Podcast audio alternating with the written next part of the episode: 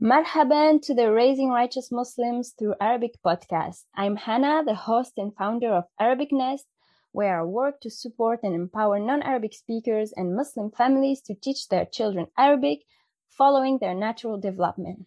Today, I have a special guest. A lot of kids call her Auntie Aya. So yes, you guessed it. It's Aya from Farashati. So Aya is an Egyptian born, Canadian raised, and currently living in the US with two toddlers. MashaAllah. She's actually an engineer by training, but has been teaching since she was 15. Allahumma barik, so young.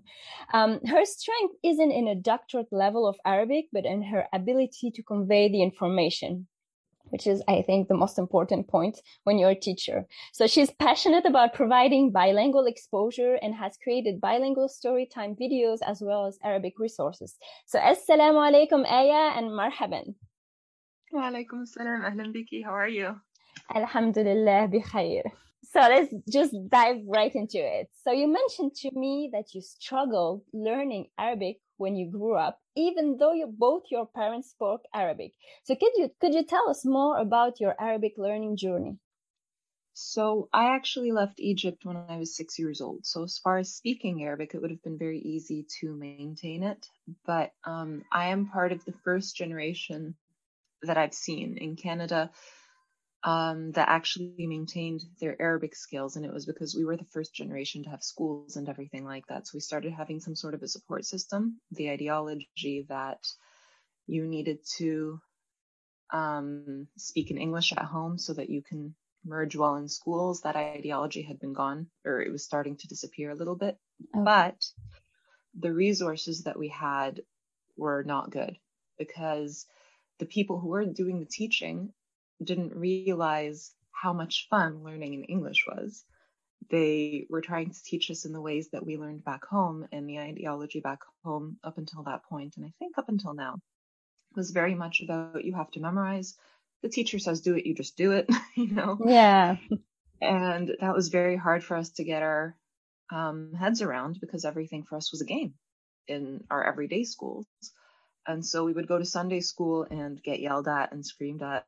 and, yeah, subhanAllah. Yeah.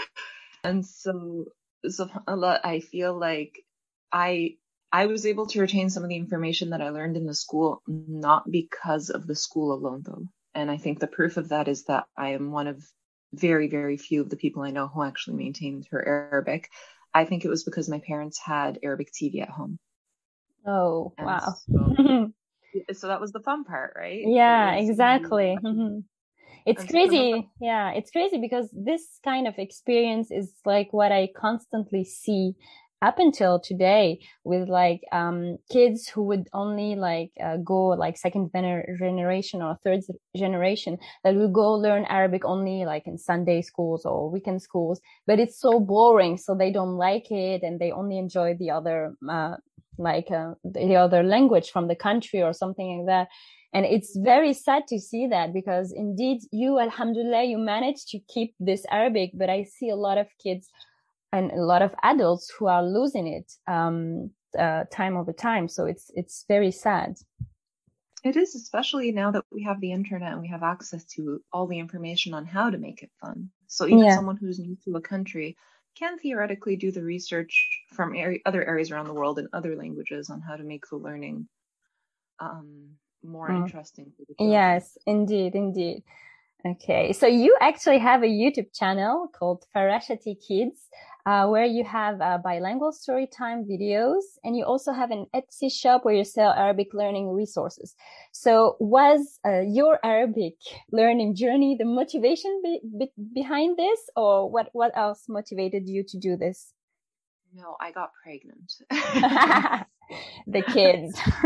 yeah. So I currently live in the US and I'm sure, or at least here in North America, we always hear um, Canada's mosaic, the US is a melting pot. And it's very, very true.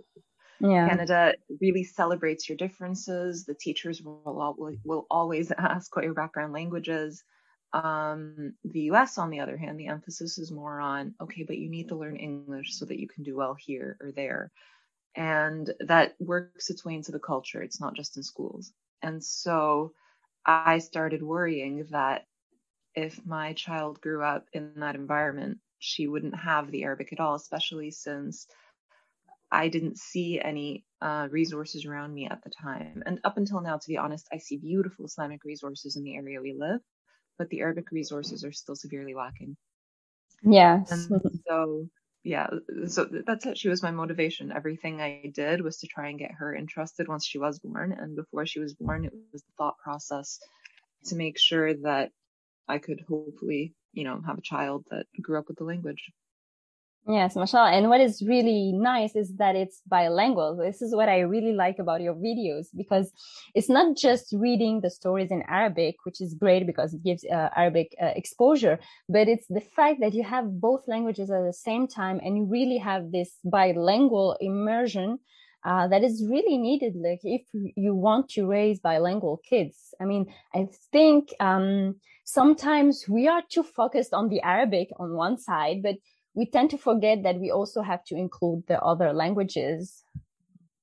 So, and I think it's because we forget that this is the language the rest of their life happens in. And so to make Arabic relevant, it helps definitely to join the two together. Not to mention that some kids, I mean, so for my children, I see the bilingualism as switching between the Egyptian dialect and Fusha when mm-hmm. I speak to them. Yeah. Um, when my husband speaks to them, he does a combination of Arabic and English because his first language is English. So okay. he'll use some of the Arabic words, but his first language is English. But if there is a student or a child who doesn't have any background at all, it's a little bit unfair to expect them to retain any information from a video if they're not given any clues as to what the other words mean. Yeah. That's what you will approach for. Exactly. Because actually it will be um, it's it's way faster for them to understand and retain the language if they're um, with the language they're familiar with because um, we can expose kids to uh, Arabic at home through videos and everything. Uh, but if they don't have any other source of Arabic and we do get them the other language that they're used to that they understand, it makes it easier for them to understand. I mean, I've seen this with my son because I would be speaking to him in um, in French and um, in Arabic uh, sim- simultaneously. So I would be doing like a kind of mixed language kind of approach. And I can see now that he's totally bilingual. He's able to switch from one language to the uh, to the other very easily. Whereas with my my daughter, it's not the same. I actually with her spoke more Arabic, so now she has more difficulty speaking French. So yeah, I see the difference with both. And you know, anyone who isn't sure how that would work, I would challenge them to watch a foreign movie without the subtitles on and see how much information they retain at the end of it, or even after five movies. Because it, it, really isn't about time of exposure. You do need something to bounce back to to understand what the words are. Exactly. Okay, very good. Um, so recently you started homeschooling, right? Um, so mm-hmm. welcome to the team, Alhamdulillah. so tell us more how. Like such an imposter. no, come on. So how how has been the experience so far for you? Like I know it's just the beginning, but how has been the experience? So we are doing this as a trial, and we figured that would be the best way to take the nerves and jitters off of it to call it a trial. Okay, um, that's good. we basically decided that instead of sending my daughter to preschool, I would look up everything that they're doing and see if we can replicate it at home. And it's great in a lot of aspects. I mean, I love teaching her. She, mashallah, really loves learning. And that's one of the main motivations to homeschooling. You want them to love the process and you worry that the schooling system will kind of beat that out of them. Exactly. Yeah. Um, I think as a parent, it's just hard being the uh, the main disciplinarian all day. You want someone else to take the reins a little bit and you get tired. yeah, it is true. It is true. This is something very important actually um, that I didn't realize right away at the beginning but when we're homeschooling, we definitely need a support system. I mean, um, I think it's not realistic to think that you can homeschool your kids, be with your kids all the time if you don't have like a support system. So having either your husband uh, on board and helping you, like taking the kids sometimes, or having like a co-op or or something, you know, because we have to be realistic. We are only human and we uh, also have other things to do apart from you know um, teaching the kids and being with the kids. We still have to take care of the house and cook and this and that. So i think um, when we homeschool it's something we we we really have to realize that we need a support system whichever it is and I think that's probably going to be our biggest struggle. My husband is on board, but his main concern is his long working hours, which they are very long. A lot of the time he'll be home, or if he's working from home, he'll be finished around their bedtime. So he'll have maybe half an hour, maximum an hour with them a lot of the time.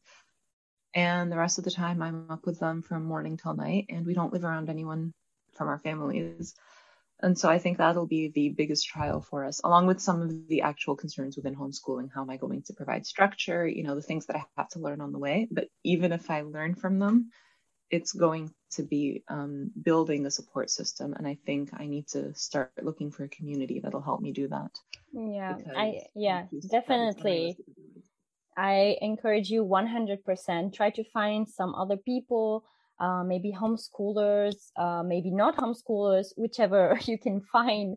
But uh, this is really, really important. And I see it a lot now. I see um, how tough it is uh, to try and homeschool without a support system. So this is something I really urge new homeschoolers to like to to work on, inshallah. So what else? Like you, you mentioned um, structure so like what why what do you mean? Like what are you afraid of exactly?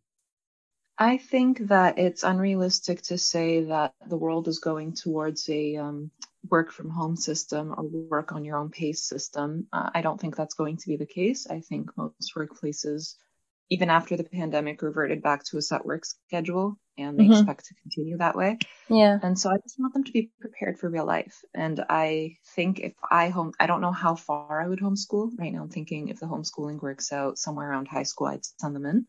But it's mm-hmm. just whenever I do send them out into the outside world, I want them to be ready to work on a set schedule, a schedule that they didn't set themselves. I want them to be capable, even if it's not their ideal situation. And so how I do that, I'm still working on. I think right now they're still a little bit young, so yeah, that's that's what I was gonna say. they're, they're, they they still have time. I'm, and I think actually this is something really important that we do not we do not learn in school, like time management. Have you ever taken a time management class? Tell no, me in school. No, and this is so important. i mean this is something i want to teach my kids. I'm going to be doing the a class on time management because this is really important. And i see it today. I don't have any like skills in time management. I have to learn everything now. I have to like watch uh, um, webinars read books and things to learn how to manage my time because i never learned to I feel so, like the people I knew growing up who had the most time management skills were the ones who had the busiest schedules. It came out of sheer necessity.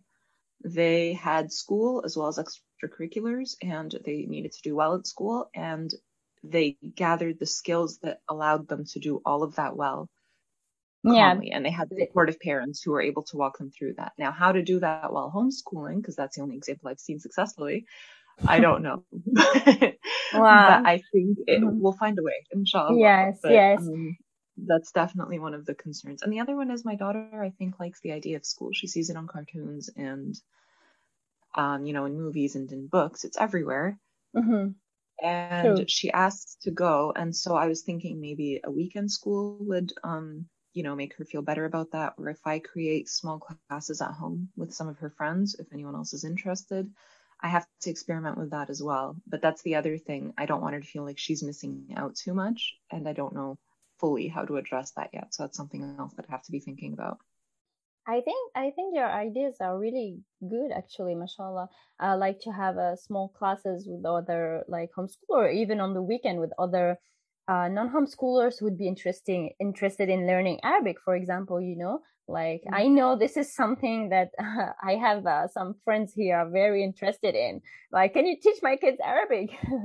so this is something I'm actually gonna explore also, like trying to set, but it will be more like um story time kind of like uh, events because I don't want too formal classes. Um, but yeah, definitely this is something um worth looking into because it will create this atmosphere of you know class of like um, having other mm-hmm. kids with you learning with other kids and solidifying social skills as well. Yes exactly exactly. And i think also uh, for social skills uh, sports is important also um, I think, uh, sadly, in for example, in my city, um, the kids are only allowed like to have sports. I think around five, like outside of the school system. I mean, uh, because in school mm-hmm. they have like the gym and whatever. But uh, like to try and uh, enroll my kids in a sport, they have to be five years old. So I'm like, oh, um, I wanted to put them there, but it's like I cannot. so I have to wait or I have to find another way create my own uh, sports afternoons or something. But yeah, I think sports is really good um, because it helps with a lot of skills also, like um, in term of even even mm-hmm. even for time management and things like this. I think um, it gives some discipline. Uh, it helps with like working with other, working as a team, um, mm-hmm. and things like this. I think it's um, it's really um, important also perseverance testing your limits i can exactly. Agree. yeah exactly. So so yeah. The like um the only thing that um that i'm not sure how it's because i would like my kid to try all sports you know, because I don't want to enroll them in a specific sports and like, you have to do this and you'll stay in this forever. So like, actually my initial ideas, I was to get them to like, for me to kind of like create some kind of classes around each of the sports so they can try and see like what they like and what they don't like. Mm-hmm. And but, I'd love to hear how that works out. yes, we're gonna try. We actually into game. Please pass on to the rest of us. Make our trips a little shorter. Inshallah. Inshallah. Actually, we already tried um, uh, tennis, uh, badminton, basketball, football. Um, what else? Uh, I'm not finding the other ones, but I I've tried a few of the sports because I go to the thrift store and I find like, you know, uh, very cheap uh, sports equipment. and so we can try a lot of things like this also, alhamdulillah. So we just need now to find some other people for them to, to like practice with or to try it with. I think that's the hard part for any of this, finding other people who will do all this. Yes, because in the end, yeah, in the end, you have to find people who you can like connect with. I mean, it's not just random people that are going to join you. You have to like to share some kind of the same values or the same, um, I don't know, like education approach, even maybe sometimes because, um, I think if you're like doing something, um, with someone who's like have a very different way of like raising their kids, it's going to create some tensions or it's going to create some like it's going to be difficult i think i don't know have you like experienced anything like this i think i've gotten lucky so far most of the people we know and met have either very par- uh, very similar parenting styles or if i feel like their child really transgressed on mine i get their permission before i say something and they've mm-hmm. been okay. okay so alhamdulillah i think we, we've been very lucky in that regard Alhamdulillah. Okay, good. Very good. So, um, I wanted to touch about something, um, because we, we talk about it a little bit, but, um, what do you think about, um, the importance of reading stories to the kids? Like you have a channel where you're doing these, um, bilingual stories. So why, for example, why did you choose to read books and not do, I don't know, um, talk about things in, in Arabic or why did you choose story stories? I found that books are the easiest connection with kids. So my daughter has learned the um, the dual plural and the plural for large numbers and the difference between those two, for example, mm-hmm. merely through reading. I've never explained it to her, not once. Yes, um, how to create plurals in general, you know, or mm-hmm. um, the feminine and masculine of colors all of that, things like that, the things that are hard to explain and break down until they're much older, you know, the grammatical mm-hmm. rules, yeah, they pick it up intuitively if yeah. they read because the stories are interesting, so they'll actually listen. And from, to, to be completely honest, a uh, logistical standpoint, it takes a lot more time to create a video um, of, for example, like I have a video of creating volcanoes. Yeah. That video takes much, much longer to put together than a story time video. And then once it's created, the demographic for it is much smaller because not all the kids are going to be interested in volcanoes, but practically all children want to hear a story. So you'll have a few kids here and there who aren't interested in a particular story, but they all like stories. And so I found that stories are just the easiest way to connect the children, especially if, you know, we pick quality stories and quality books. Um. It holds their attention the entire time. The well written ones for young ages repeat um, certain phrases or certain words in a way that keeps their attention so that they understand how it works. And Taghreed Najjar, of course, I'm sure everyone knows speaks about her, but she really is talented at that. She knows yes, how to mashallah. way, mashallah, so that the kids really pick up the the you know the grammatical rules without actually mm-hmm. knowing that they're grammatical rules.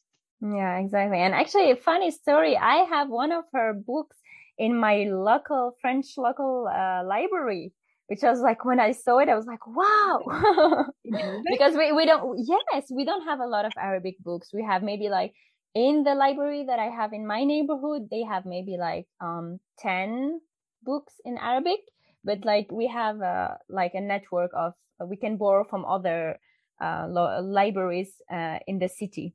So, um, but I found this book in our library. And so I was like, wow, this is so great. I mean, I didn't expect to find this because, you know, it's Arabic. It's so exciting. And I actually, so I haven't found any Arabic books in my local libraries at all. It's something I'm actually oh. working on with them.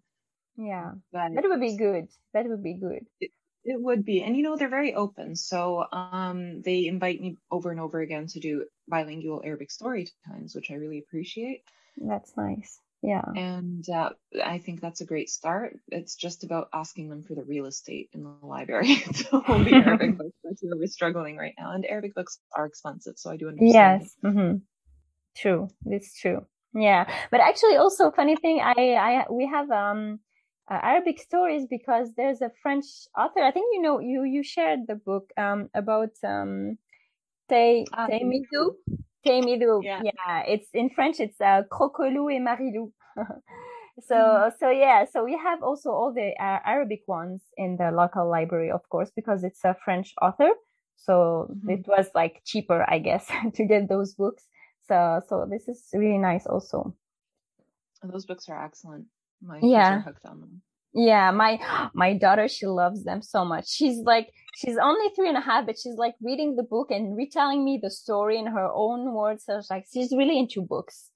Like my my daughter, she she's really into reading. Alhamdulillah, that's really nice. Mm-hmm.